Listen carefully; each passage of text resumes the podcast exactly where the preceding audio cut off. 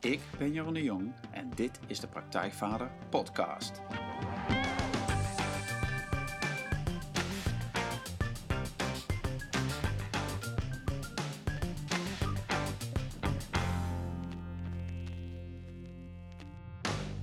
Welkom bij een nieuwe aflevering van de Praktijkvader Podcast. Jeroen hier en goed dat je luistert. Zoals elke aflevering interview ik een inspirerende gast die jou verder gaat helpen bij de volgende stap in je vaderschap. Ik vraag schrijvers, coaches, wetenschappers, kunstenaars naar hun vak, hun ervaringen en hun tips en trucs over hoe je met meer ontspanning en plezier de vader kunt zijn die je je kinderen en jezelf gunt. En vandaag is avonturier, organisatievernieuwer, trainer, schrijver, coach en allround inspirator Frank Hek... Hek zo. Schrijf ik erbij, zo'n moeilijke naam, weet je niet. Oké, we. Gelukkig kunnen we het nog een keer doen. Um, en vandaag is avonturier, organisatievernieuwer, trainer, schrijver, coach en allround inspirator Frank Hekman te gast. Welkom Frank. Welkom Jeroen. Ja. Frank is een man die je onmogelijk in één hokje kunt plaatsen. Zijn leven bevindt zich daar waar sport, cultuur, business en spiritualiteit elkaar raken. En hij reist de hele wereld rond. Frank was degene die in de jaren 90 het woord flow introduceerde in Nederland en dat naar het bedrijfsleven en de sport bracht. Hij begeleidde in 2004 de Olympische equipe op weg naar de Spelen in Athene. En met een serie clinics over flow en mindset. Over dat traject schreef hij het boek De Reis van de Held, waarin hij de stappen die de sporters maakten toegankelijk maakt voor iedereen die een serieuze volgende stap in zijn leven of werk wil zetten. Frank coachte in zijn leven vele managers, sporters en muzici. En hij werkte jarenlang in de Verenigde Staten, waar hij die organisatieadviseur was van grote bedrijven zoals Motorola en AT&T. Hij leidde grote organisatieprojecten in binnen- en buitenland, onder andere bij steden als Chicago, vakbonden en ministeries. En op dit moment werkt hij aan diverse gemeenschapsprojecten in Afrika en India. En daarbij staat Frank ook in nauw contact met de wijsheid en spirituele tradities van verschillende culturen. Want hij werkte lange tijd ook in de reservaten van de Native Americans en hij leerde van binnenuit hun gebruiken en rituelen. Door de Ojibwe tribe werd hij geïnitieerd en is hij inmiddels een firekeeper in de traditie van de Seventh Generation of Sacred Fires. En over wat dat precies inhoudt gaan we het zo zeker even hebben. Kortom, Frank Hekman is een wandelende wijze, een man die het leven leeft, de wijsheid van de wereld leert en die op zijn beurt als een scherpe, prikkelende mentor het weer teruggeeft. En hij is vader van een volwassen zoon. In dit gesprek gaan we het hebben over leiderschap en mentorschap, Franks leven en lessen van de Native Americans, het vaderschap, wat flow is, hoe je het creëert en nog veel meer. Nou Frank, welkom in de podcast. Dankjewel. Jeetje, wat een introductie Jeroen, dat is gewoon toch te veel bijna. Ja, het is bijna te veel, maar ik denk, weet je, ik doe het allemaal maar. Um, zodat mensen een beeld hebben van, van wie jij bent, mensen die jou niet kennen. Um, maar ja, toch dan als eerste vraag maar even. Dit is een soort opsomming van wat ik, kun je, wat ik van je kon vinden op internet. Wat andere mensen mij verteld hebben over jou, de boeken die ik van je gelezen heb. Um, maar als jij nou voor een, uh, voor een zaal van, van een paar honderd man zou staan en jij zou jezelf moeten introduceren, hoe, wat zou je dan vertellen? Wat zou jij dan zeggen? Ja, nou ja, het is natuurlijk een vreemde vis die weet dat hij in het water zwemt. Ik doe dit gewoon. Het is niet iets wat ik nou nastreef en denk hoeveel kerven kan ik op mijn stok krijgen. Maar als ik me introduceer, ik heb me een tijd lang geïntroduceerd als, uh, als dansmeester, als choreograaf. Bewegen is eigenlijk toch wel mijn, ja, mijn alfa en omega. Ik ben als, uh, als sportleraar begonnen, academie lichamelijke opvoeding gestudeerd. En daar heb ik gewoon toch uh, eigenlijk geleerd hoe je mensen die heel veel energie hebben en een beweging, die kids die natuurlijk voor het eerst in zo'n dag twee uurtjes er even uit mogen, hoe je die energie dus gewoon in mooie banen kan leiden. En dat is eigenlijk wel een beetje de basis geweest voor wat ik de rest van mijn leven doe. Dus ik ben een soort van dansmeester eigenlijk. Ja, en, dat, en hoe vertaal je dat dan naar uh, dingen die, die niet met dans letterlijk te maken hebben, of die niet met beweging? Nou ja, ja uh, sorry, ik val je even in de reden, maar wat ik, wat ik eigenlijk, ik, met dansmeester bedoel ik niet dat ik je pasjes leer. Maar het gaat meer om over de levensdans. Dus als mensen echt authentiek zijn in zichzelf, dan zie je in hun bewegen dat ze eigenlijk dansen. Dan, kom je, dan komt er iets oorspronkelijks naar buiten. En dan is de functie en expressie die vallen samen. Dus als je naar atleten kijkt, hè, die kunnen natuurlijk ongelooflijk uh, goede technische handelingen verrichten. En tennissen die al die verschillende slagen van spin en slice en weet ik wat ze allemaal kunnen. Dat is mooi, maar dan moet je dus boven de stof gaan staan en dan komt het aan op wat, wie je bent als mens en hoe je dus uitdrukking geeft aan jezelf middels je vak. Of het nou muziek is, of tennis, of sport. En dat is de essentie. En als je dat doet, en dat kan, dan dans je. En Roger Federer, die danst als hij op zijn best speelt. Als hij niet goed speelt, dan danst hij niet. Dan is hij mechanisch heel goed. Maar dan danst hij niet, want dan geeft hij geen uitdrukking aan zichzelf op dat moment. En daar zoekt elke sporter naar, of ze dat nou weten of niet. Op die momenten ben je in flow. Als dat samenvalt, dan komt het, de you of you komt naar buiten. Dan komt werkelijk het wezenlijke van jezelf komt tot uitdrukking. Dat is het mooiste wat er is. Ja. Dat noem ik dansen. Dansen. En je zegt in, in flow raken. En ehm, wat is... Ehm, nou, wat, wat, is een eerste of een wezenlijke stap om van die, van die technische uh, kundigheid eigenlijk naar, dat, naar die zelfexpressie te komen? Ja, dat is een hele goede vraag, want dat wordt natuurlijk keihard uitgeprogrammeerd in onze samenleving. Maar ja, dat, dat begint jong. Je moet gewoon, eh, als je naar kinderen kijkt, moet je uh, ervan uitgaan dat uh, wij niet op deze wereld zijn gekomen en uh, het gezag en, en de controle over deze kleine mensjes hebben. Dat deze kleine mensjes ook op de wereld zijn gekomen om ons weer lessen te leren, ons weer bij de les te houden. En, en daarmee geef je ze dus eigenlijk onmiddellijk een, een stuk verantwoordelijkheid om zichzelf uit te drukken. Dus je kan niet vroeg genoeg beginnen met kinderen. Wat lastig is alleen dat we natuurlijk onderwijs hebben. En als je een lagere school, uh, zoals dat vroeger, de scholen zijn traag. Als jij dag in dag uit in een bank moet zitten en, uh, en niet je buurman of buurvrouw mag aanraken, want dat is lastig. Of het heet spieken. Ja, eh, voordat je het weet, je, zit je toch in een aanpassingsslag als kindje. En dan denk je, ja, als je je goed gedraagt, dan uh, heb je daar toch profijt van. Maar dat goede gedragen is vaak ook het het doden van de oorspronkelijke natuur. Hè? Ja, en dat, dat, is, dat, dat, dat snap ik. En het is wat heel lastig. Je zegt zelf, het onderwijs is traag. En, um, en, maar wat zou je als, um, als ouder dan kunnen doen, of als vader of als moeder, zeg maar, als jij gewoon met je eigen kinderen zegt, hé, hey, maar ik wil die, die zelfexpressie meer ruimte geven? Of... Nou, ik denk dat je, als ouder is natuurlijk gewoon eh, je, het leuk om dingen te doen met je kinderen. ik, had, kan alleen maar in mijn eigen jeugd kijken. Nou, ik had een vader die was er niet, die was marineofficier. Die, uh, papa is weer drie maanden weg. Maar ik had een moeder die, ja, die hield eigenlijk meer van de natuur dan van mensen. En dat was wel leuk, want zij was dan wel een keurige officiersvrouw, maar die droeg wel een spijkerbroek. En dan ging ze met mijn vriendjes we woonden in Den Helder naar de Donkere Duinen. Dat was een bosgebied. En dat was een verboden duinengebied. Dat klinkt wel heel spannend. En dan, eh, dan tilden ze het prikkeldraad op en dan gingen... Mam, dat mag toch niet, zei ik dan nog, want ik was braaf natuurlijk.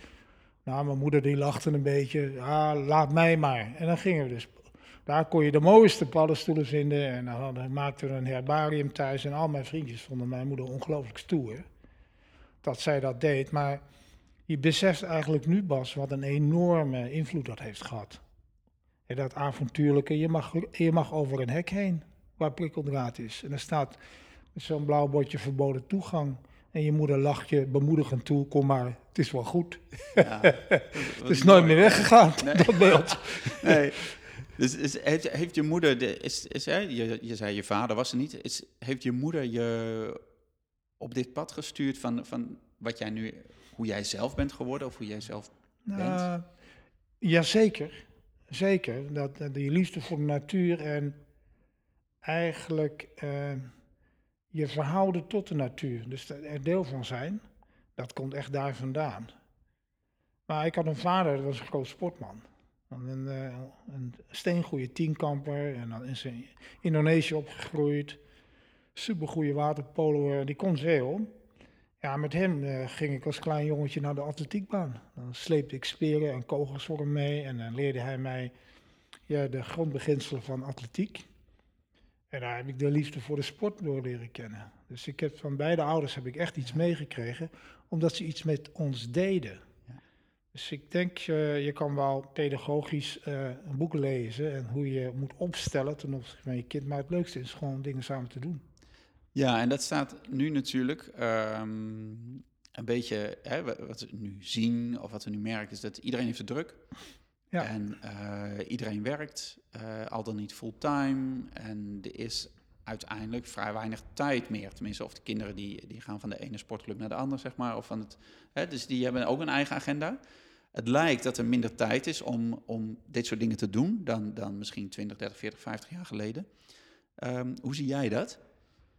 Nou, dat is best wel een challenge, om het zo maar eens te zeggen. Kijk, ik, kom een, ik ben natuurlijk al heel oud. Hè. Ik kom uit een tijd waar uh, je niet met de WhatsApp keek, uh, wanneer je dochter moest hockeyen, wanneer je zo moest kijken, uh. Dat kun je niet allemaal, alles is geregeld en gestructureerd. Alles is gepland, alles zijn heel druk bezig. Ik heb met mijn eigen kind ook gemerkt, toen ik terugkwam in Nederland, hij is in Amerika geboren, ik gelijk op een voetbalclubje gedaan. Ja, als ik niet op de training en wedstrijd kwam, dan werd ik gewoon met de nek aangekeken. Je moest er gewoon zijn als ouders altijd. Dat heb ik nooit gehad, joh. Ik ging gewoon naar mijn sportverenigingen gewoon lopen, of op de fiets en en mijn ouders uh, wisten gewoon dat ik zaterdag weg was. En ik bedoel, als ik bochte, vroegen ze van, hoe heb je gespeeld? Maar dat was echt heel vanzelfsprekend. Dus mijn korte antwoord is, ongestructureerde tijd.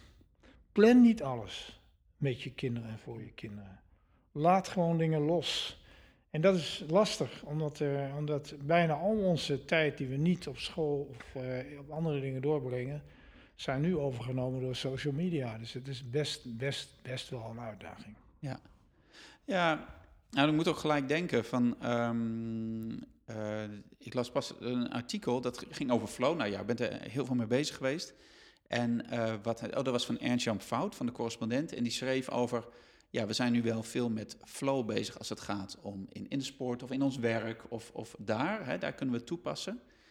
Maar op het moment dat we thuiskomen dan, uh, dan zijn we moe, dan hangen we achterover en dan zetten we tv aan. Of, um, en dan streven we juist niet meer naar die flow, omdat het blijkbaar lastig is, of omdat we daar niet willen doen. Um, hoe zie jij dat? Zou, zou je ook die, die flow um, thuis kunnen toepassen? Of hoe zou je dat kunnen doen? Of hoe deed jij dat vroeger? Of nou, dat is wel een goede vraag, Jeroen, maar dat is altijd zo geweest. Het interessante is, toen ik uh, in Chicago woonde, uh, kwam ik via via uh, die meneer Csikszentmihalyi tegen. Was toen prof aan de, en uh, hoofd van de psychologische faculteit in de Universiteit van Chicago. Welke tijd was het ongeveer, om even een beeld te Dit is, uh, ik ontmoette hem voor het eerst in 1991, 92, 1992. dat boek was net uit, dus het was nu voor iedereen geschreven. Daarvoor had hij ontzettend veel gepubliceerd als onderzoeker. Maar je ziet al in al zijn onderzoek, zag je al, ja, flow komt eigenlijk veel meer voor op het werk dan in je vrije tijd. Waarom? Ja, omdat het gewoon afgebakender is, je hebt een doel, je, hebt, uh, je moet iets opleveren aan het eind van de dag. Dus je bent eigenlijk veel meer, zijn de voorwaarden om zeg maar in zo'n verhoogd aandachtsveld te komen is hoger. Maar dat wil niet zeggen dat mensen dat niet hebben in hun vrije tijd. Want uh, mensen die van koken houden en het gaaf vinden om voor vrienden in de keuken te staan of gewoon voor een gezin te koken. Nou, je moest eens uh, raden hoe vaak die in zo'n verhoogde aandacht zitten. Want als je al die dingen in die keuken, vaak, ik heb het zelf ook wel, stoor me niet, ik ben aan het koken. Je moet heel geconcentreerd bezig zijn, je moet alles in de gaten houden. Heel veel is op gevoel en ervaring.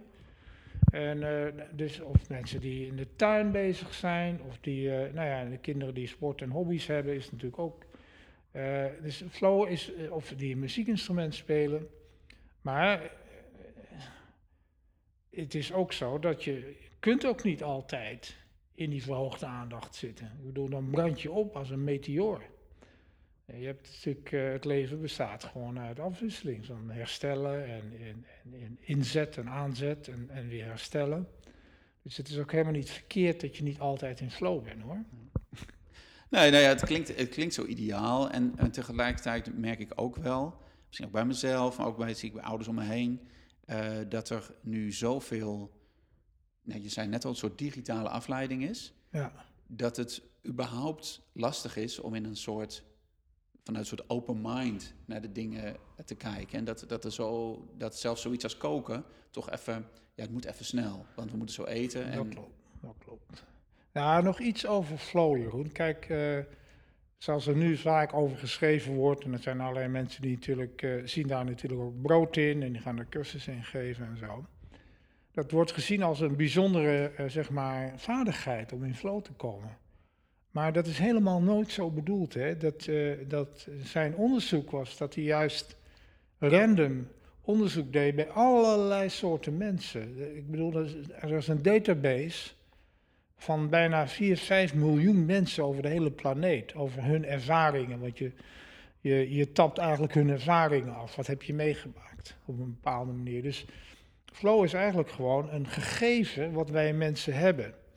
Als je zijn boek leest, Flow, the Psychology of Optimal Experience, dan schrijft hij ook eigenlijk, heeft hij het over ja, de anatomie van het bewustzijn. En wij mensen hebben dus, uh, zijn uitgerust met het vermogen om in zo'n verhoogd aandachtsveld te komen, omdat we daarmee eigenlijk groeien. Dat is onze eigen evolutie. En dus dat doen we dus altijd al. Flow is er gewoon.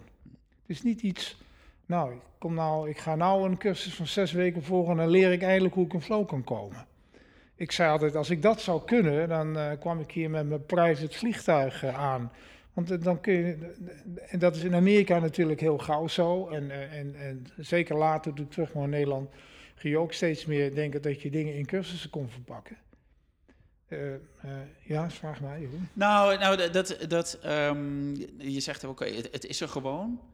Um, en, en, en, misschien is mijn vraag van, van, kun je iets doen in je eigen omgeving creëren, zodat je die momenten vaker kunt ervaren? Misschien dat je niet heel hard voor moet werken, maar dat je ze misschien kunt laten ontstaan of kunt gebeuren.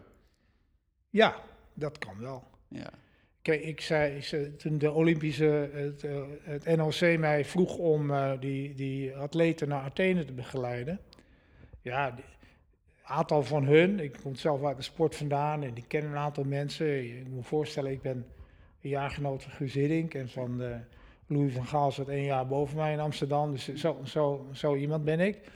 Nou ja, ik zei, ja, uh, ook weer zoiets van, jongens, voorzichtig, je mag het wonder uitnodigen, hè? Ja. Maar ik kan wel, zeg maar, het wonder in laten dalen. Ik kan wel die landingsplaats, kan ik een beetje omschrijven en een aantal condities vertellen waardoor het makkelijker wordt. En in ieder geval vertellen wat je zeker niet moet doen. Ja. Dus ja, zeker, je kan... Oh, noem eens iets wat, je niet, wat je niet moet doen. Nou ja, ik voor flow, het, een van de belangrijkste dingen voor flow is dus dat je in een verhoogde aandacht komt, dat je je heel goed kan concentreren. Uh, dat betekent dat als je allerlei, uh, als je geen focus hebt, gaat gewoon niet gebeuren. Nou word je door heel veel dingen afgeleid, maar als je ergens heel veel passie hebt, voor passie, heel veel passie ergens voor hebt, kom je ook makkelijk in focus. Kijk, een, iemand die uh, ontzettend graag zingt, die kun je er niet van afhouden. Iemand die heel graag sport, die is gewoon bezig. Die is gewoon achter op het platje, is hij al gewoon oefeningetjes aan doen om uh, straks uh, op het voetbalveld nog, nog beter en nog balvaardiger te zijn. Dus die, het belangrijk is dat je iets doet in het leven wat echt bij je past. Dat je ergens een talent vindt en een soort van gevoel van bestemming bijna, ja, dat kan ik niet laten. Als zou, je, als zou je me tegenhouden, zou ik het nog doen. Als zou je me nooit een cent voor geven, zou ik het toch elke dag doen. Dat is een beetje waar flow vandaan komt. Dus het is, je moet ook wel een beetje zoeken in jezelf. Waar je aandacht ligt en waar je affiniteit ligt. En eigenlijk ook vooral waar de passie ligt om dingen te doen. Kijk, uh, ik, ik had het over mijn moeder. Ja, die had dus een passie voor de natuur en voor beesten. Dat is nooit weggegaan. Die had altijd, als er een vogel ergens een vleugel had die uh, niet deed, dan, dan lag, zat dat beest bij ons op het balkon en dan werd hij door mijn moeder gevoed. Als je, als je, toen ze tachtig was en je kwam in haar flat in Den Haag, dan struikelde je over een kleine uh, steenuil die daar gewoon uh, weer een, een, paar maanden moest herstellen of zo. Dus ja. dat, dat kon je dus niet stoppen, terwijl ze eigenlijk nou ja, moeite had om zichzelf gewoon uh, gaande te houden op die leeftijd. Maar dat deed ze, dat was die passie, begrijp je? Dat, dat was niet te stoppen. En ik merk bij, bij, bij muzici is dat nog makkelijker. Sporters hebben soms zoiets van, nou, nou ben ik over de top. Ik ben Sven Kamer, ik heb zoveel geschaafd, maar ik begin nu te veel verliezen. Ik ga nou iets anders doen in mijn leven. Als je niet diezelfde passie, die drive ergens terugvindt, dan heb je een probleem. Ja. Met muziek is dat makkelijker. Als je echt, echt muziek maakt, dat kun je je hele leven blijven doen. Ja. Niet als je de Voice van Holland, uh, zeg maar, uh, beroemd wil worden, is wat anders. Als je beroemd wil worden, is het natuurlijk een heel ander, heel ander vraagstuk. Ja. Hey, en Frank, en hoe, hoe doe jij dat zelf? Of hoe ben je daar zelf achter gekomen wat die... Hey, je zei net aan het begin al even dat je dansmeester, dat je je zo voelt. Hoe, ja, hoe doe je dat, die zelfverwerking? Wat, wat doe jij nu, zeg maar? Waar ben je mee bezig, zodat je in die... Wat is jouw passie? Ja, hoe zal ik dat kort zeggen? Ik, ik, ik denk dat ik nu al doe wat ik op, de, op het schoolplein ook al deed als jochie. Eén ding is rechtvaardigheid. Ik denk als dingen niet, uh, niet juist zijn, dan uh, word ik, uh, licht, raak ik licht geïrriteerd, dat merkte ik op het schoolplein al, dat als er, we hadden, ik had een jongen in mijn klas, die, ja, die deed het net altijd verkeerd. Die zou gebullied worden tegenwoordig. En dat werd hij ook. Gepest, hè? Hij had een ja. bril, ja. hij werd enorm gepest. En ik weet wel dat we een keer een speelkwartier hadden en de jongens van de hogere klasse, vijfde of zesde klas, lagere school had je toen, hè, in die klasse. En ik zat in de tweede klas. Nou, misschien derde klas, maar ik denk tweede klas. En ik weet nog dat die jongen daar stond en hij stond altijd een beetje zijn eentje. En dan ging hij op zijn hurken achter staan en iemand duwde hem eroverheen en hij viel op zijn achterhoofd. En bloedde. Ik zag dat en ik heb die zesde klasse heb ik een schoolplein afgejaagd. Die is gewoon, die, die, ik word dan, dat, heb ik dan. Weet ik, nou, niets houdt me dan tegen, niets. Dat heb ik in mij. Dat is één ding die, wat ik heb. En het andere is dat ik uh, ja, dingen organiseerde op het schoolplein. Ik was uh, wel een beetje een leidertje. Je moest, uh, ik, ik, ik, en dat was niet altijd goed. Ik had een gat in het hek gemaakt en, en wist medeleerlingen zo gek te krijgen, jongetjes natuurlijk, om te zeggen, ah, vanmiddag hoeven we niet zo nodig naar school. We kunnen, we kunnen veel leukere dingen doen. Er is een haven in Den Helder en in die haven zijn er veel leukere dingen dan. Dus ik had dat soort ja. op avontuur en eruit en door dat hek heen. Dat, hè, dat was natuurlijk, ik had een moeder die had me verkeerd weggewezen. Ja, je had een goed voorbeeld. Dat en dat is wel ja. grenzen verleggen ja. en rechtvaardigheid. Dus dat als je nu kijkt naar mijn eigen leven, gaat het ook weer om rechtvaardigheid. De mensen die het meeste gemarginaliseerd zijn, in die climate change en die crisis waar we in zitten. Hè, want de klimaatklok staat op 5 over 12, die is niet nog voor 12, die is er al overheen. En dan zie je dus dat inheemse volkeren vaak uh, het meest gemarginaliseerd worden, omdat zij aangewezen zijn om in, met dat ecosysteem te moeten leven. Ja, als daar de boel afbreekt en kapot gaat, dan zijn zij eigenlijk ook meteen, dat staat er meteen aan, op, de huid. Hè. Daar zit geen Albert Heijn meer tussen. Dat is meteen dood of leven daar. Ja. En, dat, uh, en dat is niet rechtvaardig, want je ziet vaak dat die mensen al jaren gemarginaliseerd worden, extractie, eviction van een land gedreven, land kleiner gemaakt, uh, land verpatst. Uh, er zijn allerlei organisaties die natuurlijk ja, met ons, ons modern kapitalisme natuurlijk gewoon geld aan het verdienen zijn. En vaak over de ruggen van dit soort mensen. Dus de armste mensen op deze planeet, die hebben op dit moment het allermoeilijkst. Ja. En dat zag je al aankomen. Dus daar ben ik ingesprongen. Ja. Is er ook nog een stuk natuur te herstellen? Nou, dat is ook al iets wat, uh, waar ik mee opgegroeid ben. En het gaat over rechtvaardigheid. Dus ik word aan alle kanten word ik getriggerd. Ja.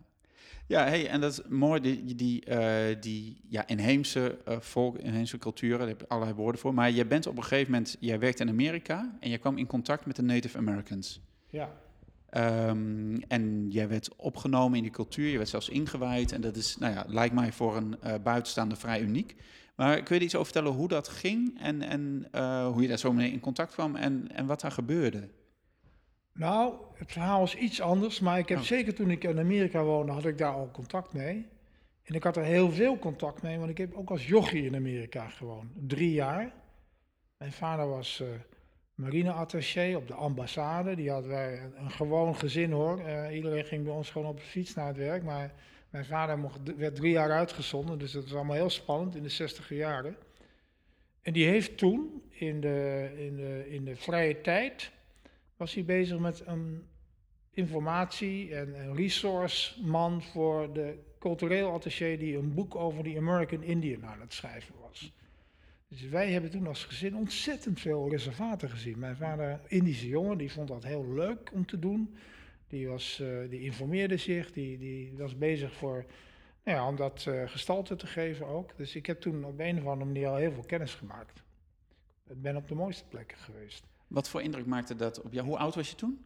Nou, 14 jaar. En wat voor indruk maakte dat toen op jou? Fantastisch. Maar niet altijd helemaal beseffend wat je ziet.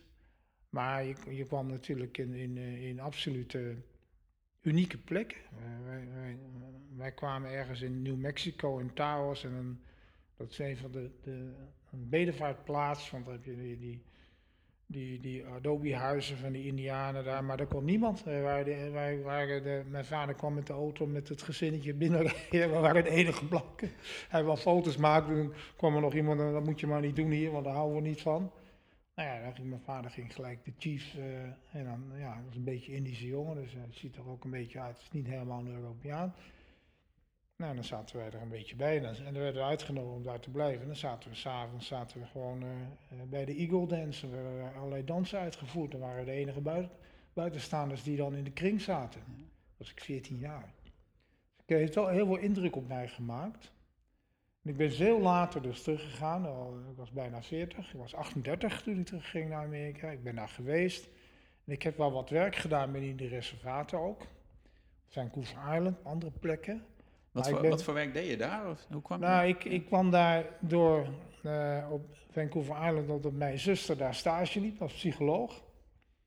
En daar was een, uh, een, uh, een soort van Native American Center wat gewoon diensten verleende aan, aan, aan de tribes die daar woonden. Had daar reservaten. En mijn zus zei tegen een van de managers daar: Ja, je moet mijn broer hierheen halen. Die woont in Chicago en die, uh, ja, die doet hele gave dingen. Zo is mijn zus, hè? een goede zus. Ja. Dus ik, heb daar, ik ben er toen heen gegaan. Ik heb een dance workshop gedaan. En, uh, en die danceworkshops voor mij, dat is niet alleen maar dansen, maar dat is een hele ontwikkeling. Ik ga door alles heen, ik door je geboorte heen. Je, krijgt, je bent eigenlijk heel metaforisch, ben je gewoon bezig met bewegen. Maar dus non-verbaal ben je jezelf gewoon aan het ontdekken. Dat duurt, dat duurt soms drie dagen, ben ik dan bezig. Dat was toen mijn, mijn ding, dat heb ik heel, heel, heel intensief gedaan. En ik was verder aan het studeren in Chicago, ik was een nieuw vak aan het leren. Uh, ja, dat was mijn eerste kennismaking en daar heb ik gewoon echt gezien hoe heftig het is op die reservaten. Alcohol- en drugsproblemen enorm hoog, suïcide, ik bedoel, hele... Maar ook heel indrukwekkend en ook ongelooflijk verbindend. Ik heb daar voor het eerst in cirkels gezeten met hun en ik voelde me enorm opgenomen. Maar mijn initiatie pas veel later gekomen. Ik ben in 1999 teruggekomen. En in dat jaar was er de Wereldvredesconferentie in Den Haag.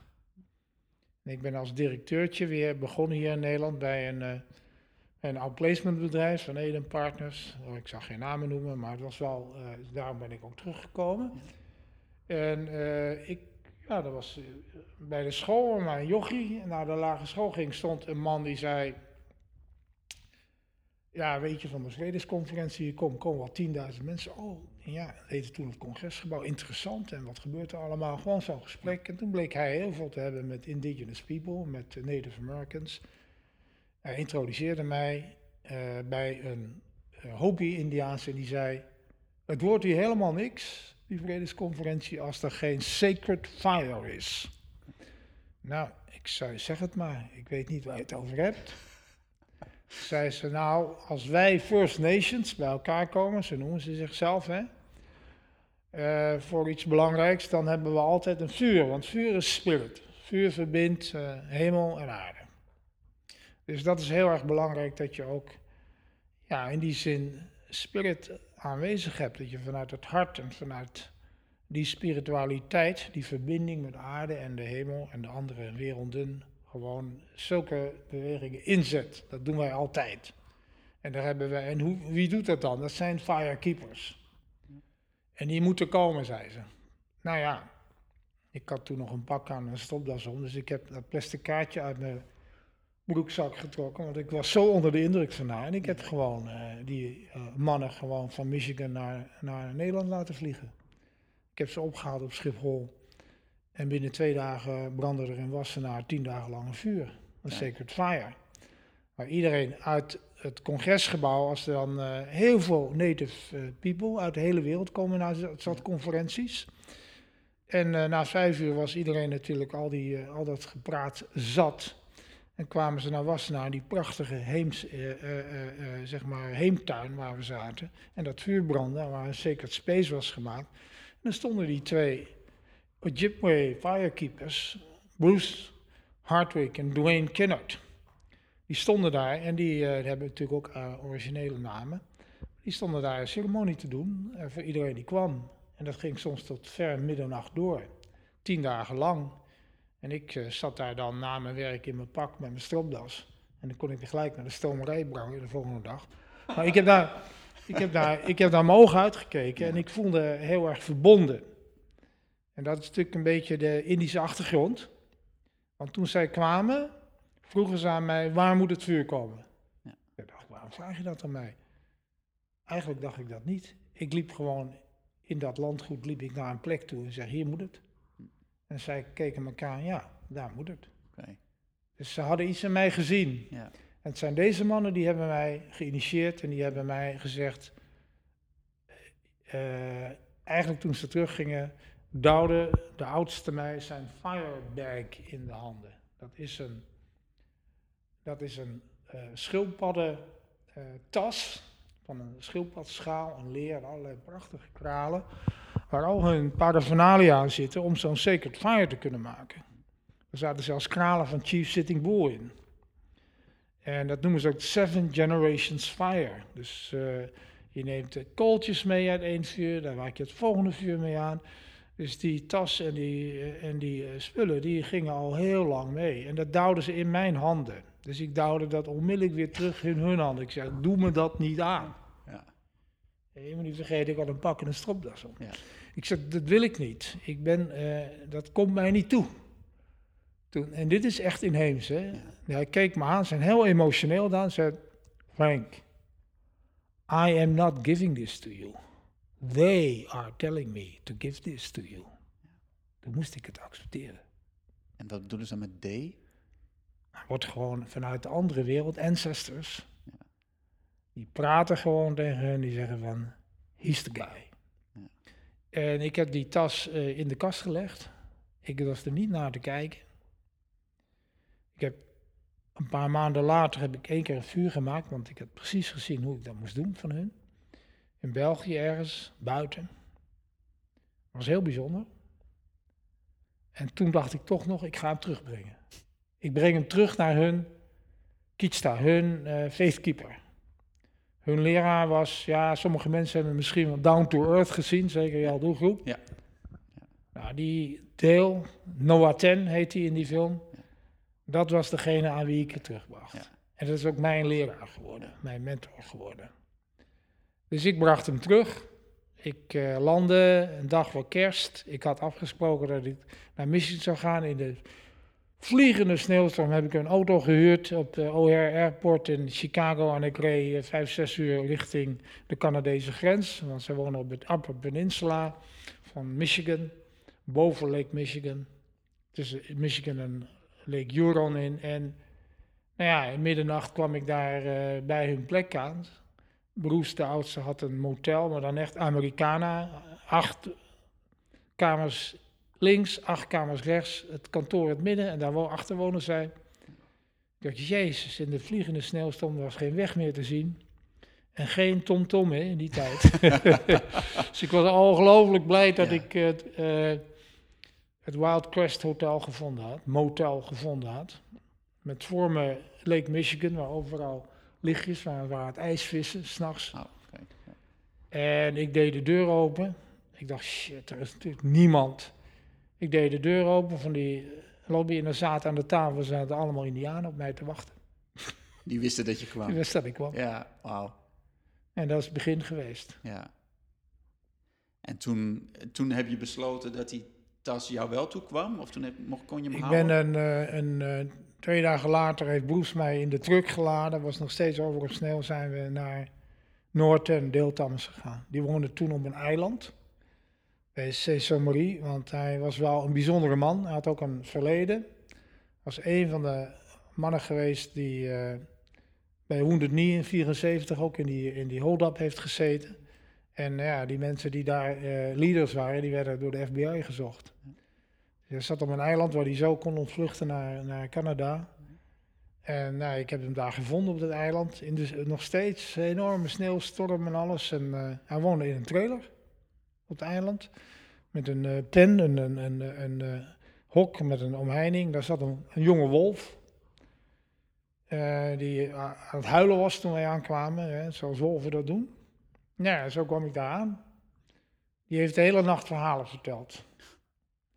Bruce ging slapen en ik zat daar, ik viel ook in slaap en dan eh, werd ik wel wakker en dan keek ik tegen zijn lachende gezicht aan. De mensen die de film gezien hebben, met die sonore stem van hem, hè.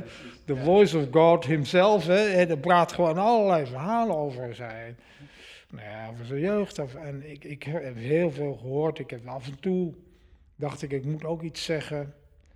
Hij heeft me wel enorm geraakt eh, door de eenvoudige manier waarop hij mij soms toesprak als ik iets zei.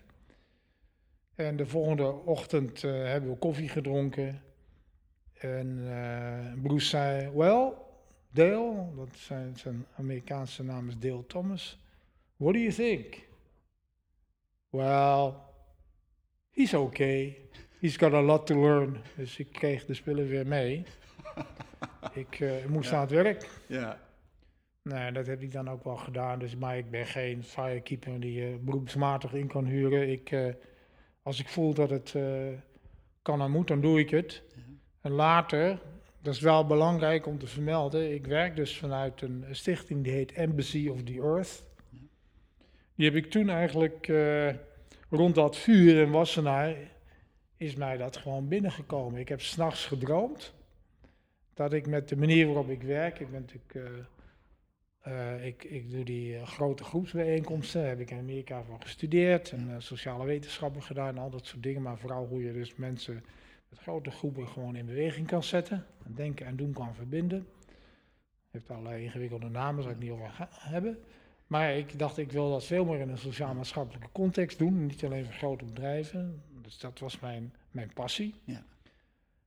En eh, ja, die embassy, die had ik wel zoiets een keer zoiets gedaan. Maar ik, ik droomde ervan dat op zeven continenten zo'n vrijplaats was. Zo'n caravanserai waar mensen kunnen samenkomen, probleemeigenaren. En daar hun geschillen kunnen bijleggen en common ground vinden. En dan gewoon eh, de oplossingen gaan eh, realiseren. Hè, die ze met elkaar, de visie en de oplossingen die ze daar met elkaar voorzien.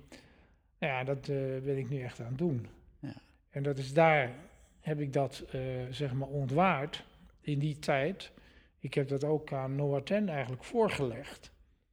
En die heeft eh, eigenlijk tegen mij gezegd: We elders used to talk about this all the time, was zijn antwoord. En die heeft mij eigenlijk de opdracht gegeven om dit te doen. Dus daar heb ik nog wel heel veel weerstand geboden, jarenlang. Maar Ik moest geld ja. verdienen, ik Ja. moest een huis kopen, ik moest Ja. al die dingen doen die ik dacht Ja. dat ik moest doen. Maar goed, ik ben eh, een aantal jaren later heel ernstig ziek geworden. En toen ik daaruit tevoorschijn kwam, ik, had, eh, ik was eigenlijk opgegeven. En ik, eh, ik ben teruggevlogen op aanraden van mijn firekeeper. En deze Noah Tandy heeft, mij, heeft de voor mij gedaan. En daarna ging het steeds beter met me. Kijk. En de MRI-scans die werden ook steeds gunstiger. Ja. Dus dat- daarom ben ik er nog. Mijn, Ja. mijn, mijn, eh, het laatste wat hij ook tegen mij zei, het laatste wat ik van hem gezien heb, en hij is niet zo heel lang daarna overleden. eh, from now on, you live on borrowed time. Oké. Dus was een, eh, ik, ik wist wel, en, en- en toch was het nog voor mij moeilijk om daar volledig Ja. alles los te laten en daarin te stappen. Maar het gekke is, op het moment dat je iets doet wat echt bij je past, dan komt de voorzienigheid, hier komt om de hoek. Eh, en dat is, dat is, dus ik vind het heel mooi wat je vertelt en het komt ook echt binnen. En ik ben benieuwd van hoe jij dan nu terugkijkt op, jou, op jouw ziekte. Is dat, ehm, had jij dat nodig om dit nu te gaan doen? Kun je dat zo zeggen? Was dat... Ja, dat, daar ben ik niet van, want dan lijkt het net alsof, alsof je gewoon... En dan zit je toch een beetje in het, in het oordeel over dingen. Ik, nou nee, ja goed, ik heb het wel gezien als een kans. Ja. Maar ook omdat ik ben zoals ik ben. Ja. Kijk, je kan ook zeggen van nou, ik ben, eh, ik ben zo opgegeven, ik ga nu alle chemokuren en eh, ik had een hersentumor. En die was zo groot dat men daar eigenlijk geen gat meer in zag. Ja. Dus dat was gewoon drie maanden en dan is het gebeurd met je. Ja. Maar ik was daar natuurlijk, zoals iedereen dat zou zijn, ongelooflijk van onder de indruk. Dus ik was wel kapot ervan. Ik dacht, shit, ik heb een joch. Weet je, dat is het eerste wat Ja. je denkt. Die zat nog, ik was gescheiden, die zat in Amerika. Ik dacht, hoe kom ik bij mijn joch? Hoe oud was hij toen? Hoe oud was je toen? Nou, hij was eh, eh, 18 aan het worden. En eh, nou goed, dat is het eerste wat door je heen schiet. Maar toch een aantal dagen daarna dacht ik van, hè? Ik ga nog helemaal niet dood. Ah, ik ben nog niet dood. Ja. En ik besefte ook dat ik die... Ik zat opeens te kijken, ja, ik had al lang symptomen. Ik heb hem eigenlijk al heel lang, dacht ik. Hij is alleen veel groter gegroeid. Dus nou ja, ik heb hem ook al heel lang gedoogd. Dus ik heb het ook al heel lang bij me. Dus ik heb mijn tumor toen Gijs genoemd. Wij hadden, een- ik had een hond gevonden, die was uit de auto gedonderd ergens. Die had een poot gebroken, zo'n zo'n puppy. Een schapendoes, een beetje een, vuilnisbakkeras zou je zeggen. En die heb ik mee naar huis genomen. Nou, bij ons kon elk beest meegenomen worden. Dus mijn moeder zei, kom maar. Ja, ja, We hadden al een Ja. paar honden, maar die kon er altijd bij. En maar dat beest was zo vals als wat gewoon. Nou, hij beet mij dan niet, omdat ik zijn leven gered heb, denk ik. Maar als mijn oma er was, dan, kreeg hij, dan, dan beet hij ook naar haar. En ik zei, mam, die hond moet weg.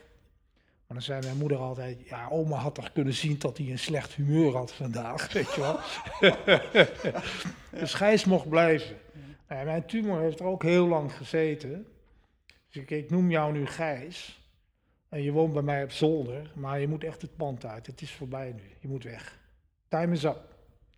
En zo ben ik eigenlijk met mijn ziekte omgegaan. Door eh, ja, eh, toch, eh, toch ook te beseffen dat dat ook deel van mij is. Ik bedoel, kanker heeft natuurlijk zo'n ongelooflijk angstcultuur eromheen. Dat had ik niet. Ik, was wel, ik wilde niet dood. Maar ik was ook niet bang voor de dood. Ik had, eh, ik had zoiets van, ik heb een hartstikke gaaf leven tot nu toe. Eh, ik was er niet bang voor, maar ik dacht, ja, ze konden niks voor mij doen. Ik was uitbehandeld, hè, zoals dat heet. Dus dat gaf mij ook wel heel veel zin om het zelf te doen. Want niemand anders deed het. Dus dat is een beetje mijn aard. Hè? Dat ik dan denk van dat avontuurlijke, hoe kan ik nou eigenlijk dit klaren? Ik zou toch best wel gaaf zijn als ik hier. Nou, ik ben wel heel veel dingen gaan doen. En ook wel gekke dingen in het begin. Dus, maar ik heb wel de goede dingen gedaan. Ik heb wel gewoon hele. Ik, ik, ik kan er lang van aan, maar het korte verhaal is: ik heb gewoon dingen gedaan waar mensen gezond van worden. Wat Ja. gezonde mensen eigenlijk ook moeten doen. Ja. Qua eten, qua hoe je met je stress omgaat, hoe je weer in beweging komt. Hè. Ik ben weer gaan- sporten en bewegen. Goede voeding, eh, niks meer eh, van al die processed foods, eh, die Ja. liet ik allemaal staan. Ja, en toen kwam eh telefoontje van Bruce. Kom hierheen. Ja. Ja, en toen, eh, toen, ze zeggen wel eens dat eh, hij zei, wat heeft Dale nou precies gedaan? Wat heeft Noah 10 of White Cloud, wordt, wordt hij ook wel genoemd, zijn eigen naam, gedaan? En Bruce zei tegen mij, hij heeft de angel eruit gehaald. Hm. En dat is ook wel juist, denk ik. Want eh, ja, als je dan weefsel hebt wat niet goed is, dan, en de angel is eruit, ja, dan kan dat lichaam het langzaam afvoeren. En dat is precies wat er gebeurd is. En had je een idee wat die angel was? Of heb je daar een beeld bij? Of staat die Ja, voor? nou ja ik, ja, ik weet wel. Je gaat natuurlijk heel diep graven ook, hè? Maar niet graven in de zin van dat dat. Met praten helpt eigenlijk niet zoveel, heb ik wel gemerkt. Praten herbevestigt veel en het lichaam, de wijsheid van het lichaam, dan moet ik mezelf dansmeester. Ja. Je moet het eigenlijk wakker schudden op een andere manier. Hè, je kan, eh, nou natuurlijk qua lichaamstherapie is er heel veel, maar je moet ook weer oppassen dat je niet te veel weer uit gaat leggen over wat je eerst in je lijf hebt meegemaakt. Ook weer zo zonde, want dan, dan lul je het eigenlijk weer plat, hè, zeg ik Ja, dan maar. het gevoel weer kwijt, de ervaring. Ja. ja. Dus ik ben ook bijvoorbeeld, ik heb dat wel eens bij, bij eh, eh, ik heb wel eens een in- interview gehad bij Casa Luna, heb ik ook wel eens verteld. Dat ik, ik ben ook, eh, iemand zei tegen mij, een goede vriendin, jij moet gaan mediteren, maar dan echt eh, hardcore business. Vipassana, gewoon 10 days of noble silence. Ja, dat lukt je niet. En dan ga je echt, dat eh, werd om gelachen en zo. Ja. Ja, dat is echt tien, tien dagen totale stilte, hè? Ja. Ja. Dus ik ben naar een klooster gegaan, of een ashram in, in, in Engeland. En dat beviel me eigenlijk zo goed. De volgende maand zat ik er weer. En ja, dat is natuurlijk die oude topsporter. Je bent natuurlijk heel gedreven. En, ik, ik, en het heeft mij wel gebracht tot, eh, tot het diepe inzicht waar het zat. Zonder details te treden. Ik heb gewoon eigenlijk, eh, toen is er wel iets gebeurd. Waardoor ik eh, een bepaalde manier van stress die je soms hebt als je een trauma hebt, dat je die zo met je meedraagt, dat dat eigenlijk je immuunsysteem gewoon ongelooflijk op zijn tenen houdt altijd. Want stress die permanent is, maar die je niet kent, wat veel mensen hebben die trauma hebben meegemaakt, dat maakt je veel bevattelijker voor ziekte. Mhm. Dus het is ja, eh, verdien je het om ziek te zijn? Nee, je verdient het helemaal niet. Maar ben je altijd bewust waar het vandaan komt? Nee. Dat is het eigenlijk een beetje. Het is natuurlijk een heel super eh, gevoelig systeem, dat menselijk lichaam, met alles wat erom zit. En wat eigenlijk heel makkelijk verstoord wordt. Ook door onze manier van leven, door van alles. Ja. Dus ik ben eigenlijk, ik ben het opnieuw gaan uitvinden hoe dat is om gezond te leven. Ja. En niet om eh, beter te worden, maar gewoon hoe kan ik eh, zo gezond mogelijk worden. Ja. En wellicht geef ik er dan een zetje mee. En dat doe ik nu ook. Ik ben eigenlijk met die ecosysteem restoration bezig op plekken. Eh, iedereen eh, heeft allerlei programma's met projecten. En die gaan daar eh, met vanaf de tekentafel ragen ze erin. Ja. Ik zeg nou, ga nou niet zo hard. Kijk nou wat die natuur zelf wil. Kijk nou eens even waar je die natuur kan faciliteren en een handje kan helpen. Wij mensen kunnen wel heel veel. We zijn ook de gardeners of de biosfeer. Maar als je, het is net als dat zieke lichaam, als je die zieke aarde weer helpt, om weer daar een beetje gas te geven en te helpen waar het zichzelf weer kan in een cyclus kan komen, dan komt het weer in diezelfde organisatie. En dan kan het prima voor zichzelf. Die aarde die heeft ons eigenlijk niet nodig. Maar ja, dan duurt het 100 jaar voordat het terug is. En nu kunnen we wel iets doen als je weet hoe het ongeveer moet. Dus hetzelfde instelling die ik naar mezelf heb, heb ik nu ook naar mijn project. Nou ja, in die zin lijkt het ook wel een beetje op waar we het aan het begin over hadden. Over, over je kinderen grootbrengen, opvoeden. Dat, dat klinkt een beetje zo van als trainen. Maar als je kinderen grootbrengen, dat je ook kijkt naar wat je kind in zich heeft of kan. En dat je dat een zetje geeft of faciliteert of, of mogelijk maakt. Ja, ja, maar ik ben natuurlijk een, eh, is prachtig, ik ben natuurlijk het schoolvoorbeeld van een vader die er niet was. Ik ben gescheiden toen mijn zoon 12 was en dat is gewoon dramatisch. Ja. En die gingen terug naar Amerika, want ik was met een Amerikaanse getrouwd. Dus ik heb een aantal jaren, heb ik er eigenlijk heel weinig voor hem kunnen doen. Ja. En ik besef als geen ander wat dat voor sporen nalaat. Ja. Dat is dus gewoon, eh, dat is heel pijnlijk. En ook het schuldgevoel wat ik als vader meedroeg en eigenlijk nog wel heb. Ja. Hoewel ik wel in het reinen ben met hem. Ik bedoel, we kunnen, daar, we kunnen over alles praten, maar je ziet toch dat onze samenleving en de, hè, ons streven naar geluk en al dat soort zaken natuurlijk een enorme wissel trekt op onze kinderen. Dus ik ben daar niet bepaald trots op. Ik heb het echt fout gedaan. Mm. Had ik, was ik, had ik, was ik blijven in een relatie gebleven? Waarschijnlijk niet. Ik weet niet hoe ik het anders had moeten doen, maar die kinderen zijn natuurlijk onschuld. Die, die vragen niet aan hun ouders, ga alsjeblieft uit elkaar. Die kinderen is natuurlijk een drama. Ja. Zo, en dat kind van mij natuurlijk ook. En, eh, en in die zin, ja, eh, wat kan je doen? Eh, ik ben vader geweest op afstand. Ja. Het enige hele positieve van social media is dat wij internet hadden. Hm. Ik zou je vertellen, als er geen internet was geweest, had ik het niet overleefd. Hm. En dan had ik contact met hem, en dat was dus jaren geleden. En dan dacht ik, waarom zegt hij nou niks terug, hè? En ik zat helemaal gespannen zo achter dat pc'tje van Ja. mij boven op zolder om te kijken, want contact met mijn zoon, weet je, dat was natuurlijk allemaal... Ja, dan zei hij, ja pa, ik praat met tien mensen tegelijk hoor. Ja, ja. Maar het feit dat we, dat we contact hadden en eh, eh, eh, gewoon dingen tegen elkaar zeiden. Ik heb wel dingen, printte ik dan uit en die plakte ik op mijn muur. Dat was voor mij bijna heilig, die Ja. momenten. Maar dat ging ook, ja, op een gegeven moment werd het ook gewoonte, hè, dat je dat gewoon deed. Maar ja, als ik dus praat ook vanuit die hoek, en dat advies heb ik ook gekregen. Iemand zei tegen mij, zorg dat je op alle manieren laat weten aan je kind dat je er bent. Ja. Maak op een of andere manier contact. En het was heel moeilijk, hadden een hele echte vechtscheiding. Maar ik, dat heb ik gedaan. Ik heb linksom, rechtsom altijd hem laten weten dat ik er was. Eh, terwijl het eigenlijk ongelooflijk pijnlijk was dat wij niet bij elkaar waren. Dat klopte helemaal niet. Ja. Ontzettend onnatuurlijk.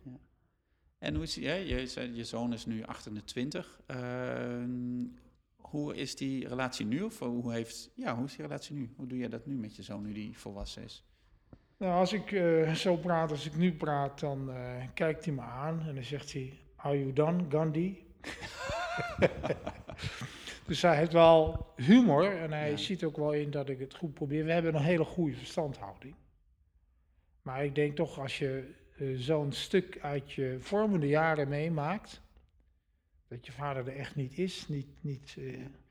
fysiek aanwezig is, is dat gewoon heel moeilijk. Ja. Eh, maar hij doet het goed. Een paar dingen. Het ging over talent, het ging over flow. Hè. Ik merkte toen hij 16 was, dat hij met muziek iets had. En hij begon te praten over eh, eh, muziek maken en DJ'en. En eh, ik wist daar eigenlijk niet zoveel van. Ik zeg, wat heb je dan nodig? Ja, ik heb draaitafels nodig, pa. Ja, wat dan? Ja, doe die maar. Nou, ik ging informeren hier in Utrecht bij mensen die dat wisten. Nou joh, die moet je niet kopen, die zijn heel slecht en die zijn binnen drie weken kapot. Dus ik heb toen via mijn ex-zwager heb ik eh, goede draaitafels voor hem geregeld. En eh, ja, dat is wel zijn leven geworden. Hij is daar, en ik was zijn grootste fan. Dus dan zei hij tegen mij, ja, je kan mij horen via eh, internetradio in Fearless Radio in Chicago. Want dan draai ik, ben ik een competition aan het doen. Nou, dan ging ik s'nachts uh, ergens, zat ik dan uh, boven op zolder te luisteren en te kijken. En vooral te luisteren natuurlijk. En nou, dan uh, was mijn zoon van 16, die kwam dan op de radio. Frankie, DJ Frankie, waar is die? Dan was hij te laat voor de uitzending, weet je. En dan kwam die, twee meiden hadden in een auto ergens heen gereden. En dan kwam hij binnenzetten, heel stoer. En dan moest hij tegen een of andere heel gerenommeerde DJ moest hij dan competitie draaien. Nou, dat, dat was wel, dacht ik van ja, god, dan was ik gelukkig, hele gelukkige vader op dat moment. Want die jongen die gaf uitdrukking aan iets waar hij heel veel passie voor had. En, uh, en dat doet hij nog steeds. Mooi. Mooi.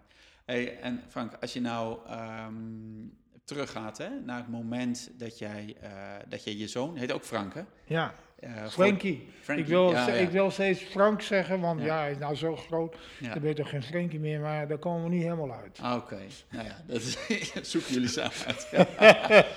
maar als je nou teruggaat naar het moment dat je hem voor het eerst in je armen had, hè? Dus, toen was je 40, zei je? Ik was 39. 39. Um, kun je dat moment beschrijven en, en daarbij van wat zou je jezelf nu met alle kennis en ervaring die je hebt, zou je jezelf nog als tip of als advies of als goede raad willen meegeven? Als dat kon, hè? Als ja, zo... jeetje man, wat een moment was dat. Ja. Dat zou ik mijn leven niet meer vergeten. Uh, we woonden in Oak Park, een, een klein stadje buiten Chicago. Uh, het was een moeilijke bevalling, we waren al tien uur bezig.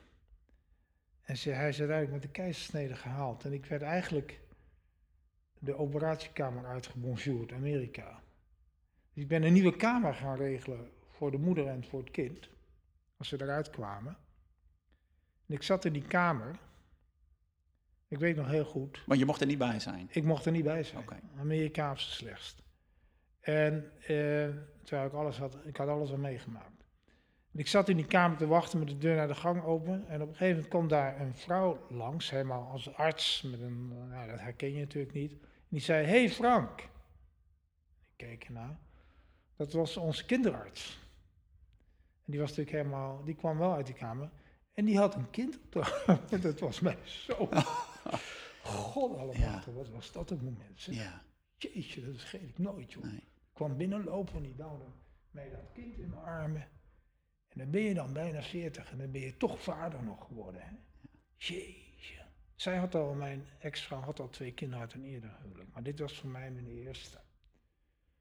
En ik dacht ook, jeetje, allemachtig. Dat zal ik nooit meer vergeten. Ja. En wat was dat gevoel? Kun je dat zeggen? Van, Ja, het is net alsof je compleet wordt. ja, En terwijl ik met heel veel kinderen altijd gewerkt heb. Hè? ja, En ik eh, zei, nou ja, god, ik hoef niet hoor. Ik heb al zie al zoveel kinderen. En bij ons thuis ging het ook niet allemaal zo makkelijk tussen mijn ouders. Dus ik dacht, ja, god, als ik nou dit oversla, deze beurt, dan is het ook niet zo erg. Maar dat had ik, eh, daar kwam ik heel hard op terug toen. ja, Dat is ongelooflijk. ja. Het is heel kwetsbaar. Mooi. Ja. Hey, en als je dan zo terugkijkt naar dat moment, hè, zou je jezelf dan nog iets mee willen geven als je met je kennis van nu daarna teruggaat naar die man van 39 die voor het eerst die zoon in zijn armen heeft? Nou, die eerste, die eerste jaren, dat waren eigenlijk gewoon fantastische jaren geweest. Ik studeerde weer. En ik eh, deed avondcollege. Dus ik was, eh, ik was huis, ik was vader en moeder tegelijk. Zijn, zijn moeder was een, eh, een career director bij een hele grote, de grootste advertising agency in Amerika. En die was eigenlijk altijd onderweg. Was Amerika is keihard natuurlijk. Je hebt een kind en daarna een paar weken later eh, zit je alweer in het vliegtuig en aan het Ja. werk. Dus ik was, ik was huismoeder en vader tegelijk. Ik zat eh, met een fles in mijn hand en ik s'nachts had ik het kind bij me. Want ik was vaak, was zij gewoon weg, een hele week of twee weken. Nou, nooit twee weken, maar wel een week. Dus ik, eh, ik heb die eerste twee jaar van zijn leven, heb ik heel, omdat ik studeerde, was ik er gewoon boven, zat ik er bovenop. Dus ik, heb, ik ben eigenlijk een ongelooflijke eh, dankbaar dat ik zo'n begin heb kunnen maken. En dat zag ook iedereen. Ik, ik, we hadden een playground en dan zat ik met mijn baby als enige man tussen allemaal vrouwen met kinderen. En die vonden het allemaal heel leuk dat er een man zat. Natuurlijk, ja. Dus dat was geweldig. ja. Nou ja, en een paar jaar later was ik natuurlijk, had ik mijn eigen bedrijf. En kon ik dat, had ik dat nooit allemaal gekund. Dus het was echt een, een geschenk van de hemel. Dat ik gewoon juist in die eerste twee en een half jaar er helemaal kon zijn voor hem. Ja. Ik nam hem ook wel eens mee naar college s'avonds. Dan had ik een wiegje bij me, dat zet ik gewoon onder neer. En als hij begon te huilen, ging ik wel weg. Ja. Maar meestal sliep hij gewoon lekker door. Mooi. Ik heb dat nooit aan zijn moeder verteld. Prachtig beeld. Ik zie jou in zo'n collegezaal zitten met zo'n baby daar zo. Ja, dat Ja, mooi. ja, ja. Mooi, mooi. Ik heb nog een paar gewoon kortere vragen. Kijk, maar je hoeft niet per se kort antwoord te geven hoor. Maar ehm, je hebt, eh, nou ja, het boek De Reis van de Held heb jij geschreven. Je hebt veel met, je, bent, zeg, je bent leraar altijd gebleven eigenlijk. Je hebt veel met leiderschap, met helden. Ik ben benieuwd wat, wat voor jou een van de meest aansprekende helden is die jij die nu leven of die jij nu kent. Iemand die jou nu inspireert. Nou, er schiet natuurlijk veel door me heen, want je snapt, ik ben veel, heb veel mensen tegengekomen. Maar, eh, en zonder iemand tekort te doen, eh, noem ik er één. En eh, toen ik op de academie zat,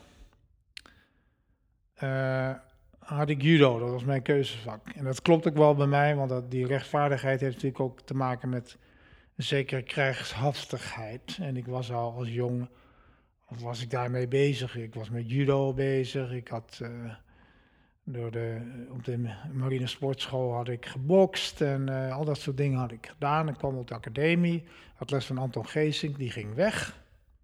de beroemde Anton Geesing. En toen kwam Jan Kallenbach. En die nam het hele vak zelfverdediging over. En judo was het hoofdvak. Maar Jan was een, soort van uh, fenomeen. Die was uh, een van de beste karateka's ter wereld op dat moment. En daar hadden wij wel wat mee. Maar dat, daar hing iets omheen in die tijd nog dat dat niet mocht. Want dat was, ja, dat vak was nog niet officieel uh, erkend op de academie. Dus ik vroeg aan hem. Uh, ja, je kan het hier niet doseren, maar hij had een, uh, kan ik niet op de club komen trainen bij jou? Hij zei, weet je het wel zeker, want je, alsof die academie niet zwaar genoeg is. Maar als je het doet, moet je zoveel keer per week komen trainen en je moet een jaar blijven. En dat ging over, specifiek over karate? Karate, ja. Kyokushinkai karate. En je moet een jaar blijven voordat je überhaupt er iets over mag zeggen. Nou, ik ben tien jaar gebleven. En uh, ik ben al 40 jaar lid, ruim 40 jaar van die club, Shinbuken. We zitten in Amsterdam. En dat is echt een, uh, dat is geen sportschool, maar een club. En daar worden alle disciplines gegeven. Ook hele mooie zwaardiscipline. En Jan is natuurlijk gewoon mijn leraar en mijn vriend geworden. We hebben ook nog samen lesgegeven op school. En, uh, en ik, ik was laatst, nog niet zo lang geleden, bij de nieuwjaarstraining. Moest ik een voordracht houden over Maasai en hoe jongens bij die Maasai dus tot man worden. Ja. En tot krijger worden opgeleid nog steeds. Hè? Dat is een beetje beren interessant. Ja. En, uh, en dan staat Jan daar, die is inmiddels in, in 75 wordt hij. En uh, staat nog drie, vier keer in de week daar in die dojo les te geven. Met, met andere senpais. En die jongens die daar trainen, die ken ik ook al 40 jaar. En die zijn hartstikke goed. En dan zegt Jan wel even, dat is een volle dojo. Kijk even hoe die staat. Dan sta ik daar te vertellen. Dat weet ik natuurlijk zelf niet eens, dat ik zo sta. Maar dat is echt budo. Dat je waar je ook bent, als je nou in de ja, in, de, in de oorlogszones in de ghetto van Chicago staat, of je staat uh, in een crisisgebied in India, waar mensen doodgaan, of je staat nu in, dat, in die superdroge savanne van het Amboseli-gebied rond uh, de Mount Kilimanjaro, waar ook het vee dagelijks sterft, dan merk ik hoe belangrijk het is geweest dat ik die training en die opvoeding heb gehad. Dat je ergens gewoon echt kan staan. Dat je gewoon je kan verhouden daardoor tot de fysieke wereld om je heen. En dat je dat ook geleerd hebt hoe je dat moet doen. Dat, is, uh, dat zeg ik altijd wel. Ik, ik train helaas niet zo vaak op de club, want ik ben er gewoon niet. Maar eigenlijk uh, is dat zo'n deel van mijn leven geworden. Ja, daar ben ik, uh, ja, maar ook al de vrienden van die club die nog steeds trainen, hè, die nog steeds senpais zijn, dus, dus leraar zijn daar, oudsten. Ja, dat is, dat is een kracht, joh, van mannen onder elkaar. En het is, het het meest leuke plek om te komen, want de verhalen die uitgewisseld worden, je kan je kinderen meenemen, het is ook allemaal kan. Het is geen... Mooi. Begrijp je? Ja, prachtig. Ja. en um, als jij, um, ja, dus, ik heb gelijk twintig vragen voor een volgend interview, ja. volgens mij, Frank. Maar um, als jij iemand hè, die, die je nu ziet of die je nu kent, of die je gewoon voorbij ziet komen in de media, als jij iemand zou mogen coachen, maakt niet uit wie. En wie zou dat zijn? En wat zou het eerst zijn wat je met diegene zou gaan doen? Ja, ik heb nog nooit iemand uitgekozen die ik ga coachen. Ik word gevraagd. Ja. Dat is op zich al heel belangrijk. Ja. Want eh, ik coach niemand. Ik, ik noem mezelf ook geen coach. Nee. Ik hoorde wel dat jij dat zei toen ik die Olympische ploeg deed, ja, ik werd ook vaak uh, mental training en de psycho ik ben ook geen psycholoog, ik ben sociaal wetenschapper. Maar ik weet wel iets van de menselijke natuur. Ik weet dat niet op deze vraag. Ik heb ook niet die ambitie om iemand. Het is meer zo dat uh, er is een wederkerigheid in deze wereld waarin je elkaars uh, mentor kan zijn. En dat kan eigenlijk, dat gebeurt eigenlijk altijd. Je zit natuurlijk, ik ben nu bezig om uh, dat gebied te ontsluiten en, en de, de herstel van het hele gebied rond Kilimanjaro, en dat is groot. Maar ik heb het gevoel dat dat kan. En ik voel dat water onder die grond doorstromen als ik daar sta. Terwijl het droog is en een woestijn aan worden is. Dus dan ben je, dat kan alleen maar als je met veel mensen dat doet. Dat kan een Frank Hekman niet. Dus je beseft dat je een heel nietig iemand bent. Ja, maar ik heb wel geleerd dat je, uh, als je je herinnert wat het is om mens te zijn, dat je eigenlijk overal met iedereen kan verhouden. Ik heb niet zo heel veel tijd nodig om een cultuurslag te maken voordat ik ergens mag zijn. Ik, als ik in uh, Maasai-dorpen uh, en met die, met die elders bezig ben, dan verhoud ik me eigenlijk al heel snel tot hun alsof we gewoon onder elkaar zijn. En dan ontstaat er ook die wederkerigheid. Zij doen iets voor mij, ik doe iets voor iemand. Ik wijs iemand erop uh, wat ik denk dat er kan en mag gebeuren. En omgekeerd word ik dan elder van de stam. Ik word gewoon uh, geïnitieerd de laatste dag word ik weggaan. Ik denk, waar verdien je dat aan? Ja, dat heeft te maken met die wederkerigheid. Dus ik geloof niet zozeer in het feit dat ik me geroepen voel om anderen te moeten coachen. Maar als iemand een vraag heeft, dan is het mijn menselijke verantwoordelijkheid om daar iets mee te doen. Ja. Helder, helemaal helder. Helemaal helder. Ehm, en om het, om het interview uh, een beetje te gaan afronden, van, ik ben benieuwd, je hebt er al een aantal dingen over gezegd. Maar als jij nu kijkt, hè, hè nu 2018, uh, je hebt heel veel kinderen gezien uh, als, als docent. Je ziet heel veel mensen nu over heel de wereld. Wat is volgens jou nu de grootste uitdaging waar ouders, wij als ouders, uh, aankomende ouders, maar gewoon waar we voor staan als we kijken naar onze kinderen, wat we te doen hebben, wat is onze taak als ouders? Dan zal ik proberen aan te duiden hoe ik daar naar. In 2015 stonden wij aan de andere kant van Parijs tijdens de COP21, dat was de klimaattop die er toen was, waar een uh, unaniem besloten is dat we echt iets met die planeet moeten gaan doen. Stonden wij aan de andere kant van Parijs met een wisdom gathering van zo'n 40 mensen, veel indigenous elders uit heel de wereld. Uit Mongolië, uit uh, Noord-Amerika, Zuid-Amerika, uh, de Samis uit het Zuid-Noordpoolgebied, uh, kunstenaars, jonge mensen. Wat daaruit kwam, is dat we die nieuwe generatie die er nu aankomt, die moeten we niet uh, opvoeden en te vertellen wat ze moeten doen. Maar wij, en zeker mijn generatie, heeft er gewoon een zootje van gemaakt. En wat wij, wat wij eigenlijk verplicht zijn, is dat wij achter die jeugd gaan staan. Dus die jongeren van nu, die moeten gewoon, die mogen wat mij betreft gewoon in de lead. Die, uh, die, die gaan ons trekken en wij gaan erachter staan en met resources en steun en financiële middelen. En als ze uh, gevraagd worden ook uh, kennis en ervaring, kunnen wij hen steunen. Want ik merk gewoon dat die generatie gewoon heel goed uitgerust is om die rol op zich te nemen. En ik zie dat bijvoorbeeld, ik, ik sta nu te werken in het Amboseli-gebied rond uh, de Kilimanjaro, 40 Maasai-dorpen. Hoe ben ik daar gekomen? Jonge mensen uit die stammen hebben mij hierheen gehaald via Facebook Messenger. Die hebben mij gewoon gevonden. Ja. Die hebben gezegd, kom helpen.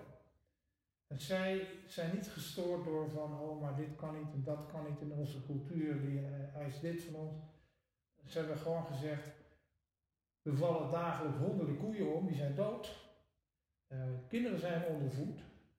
De elders die zitten met een hand in hun haar, of nou, ze hebben geen haar, maar die zitten met een hand op hun hoofd. Maar wij willen wel een toekomst. En ik ben gewoon achter hen gaan staan. En dat is wat wij ouderen moeten durven. Niet zoveel denken in termen van, nou, ze moeten eerst nog dat leren en eerst dat diploma hebben en ga eerst nog maar studeren, dan mag je ook eens wat zeggen. Die tijd is geweest. Stop ermee. Ga achter die staan. Geef ze de leiding. Punt. Helder. Volkomen helder. Mooi. Ja, Frank, ehm, en als, als allerlaatste, als, als mensen meer willen weten over jouw projecten die jij doet, kunnen, kunnen ze ergens terecht? Kunnen ze daar iets over um, te weten komen? Kan ik een linkje plaatsen ergens of wat? Ja, nou ja, je kan je als vriend aanmelden op Facebook. Ja. Frank Hekman. Er is een, uh, een website, maar die is echt nodig aan vernieuwing toe, daar ben ik mee bezig, maar dat is uh, uh, www en dan puntje embassyoftheearth.org. En dan zie je wel een aantal projecten Europa en dan zie je ook wel wat, uh, wat we doen. En daar is, wordt binnenkort wordt die zeg maar overgeheveld. Ja, je kunt, uh, je kunt me gewoon via mail bereiken. Ik ben gewoon Frank Hugo Frank, FHS, Hekman, met CK, apenstaartje, gmail.com. Je kunt me altijd uh, mailen, ik antwoord altijd. Kijk, mooi. Nou, dankjewel Frank, ontzettend dank voor je tijd, voor dit mooie gesprek. En wat ik net al zei, nou ja, er zijn nog twintig vragen, maar vanwege de tijd ronden we het nu af. Um, heel fijn dat je in de podcast wilde komen. Dankjewel. Graag gedaan. Ja. Dat is een genoegen. Mooi. Oké, okay, en als je nu luistert, voor jou als luisteraar, uh, dankjewel. Fijn dat je er weer was, fijn dat je luisterde. En uh, de linkjes die, die Frank net noemde, de, de projecten, die zal ik op de website zetten. Dus je komt deze aflevering met uh, de extra linkjes terugvinden op www.praktijkvader.nl podcast.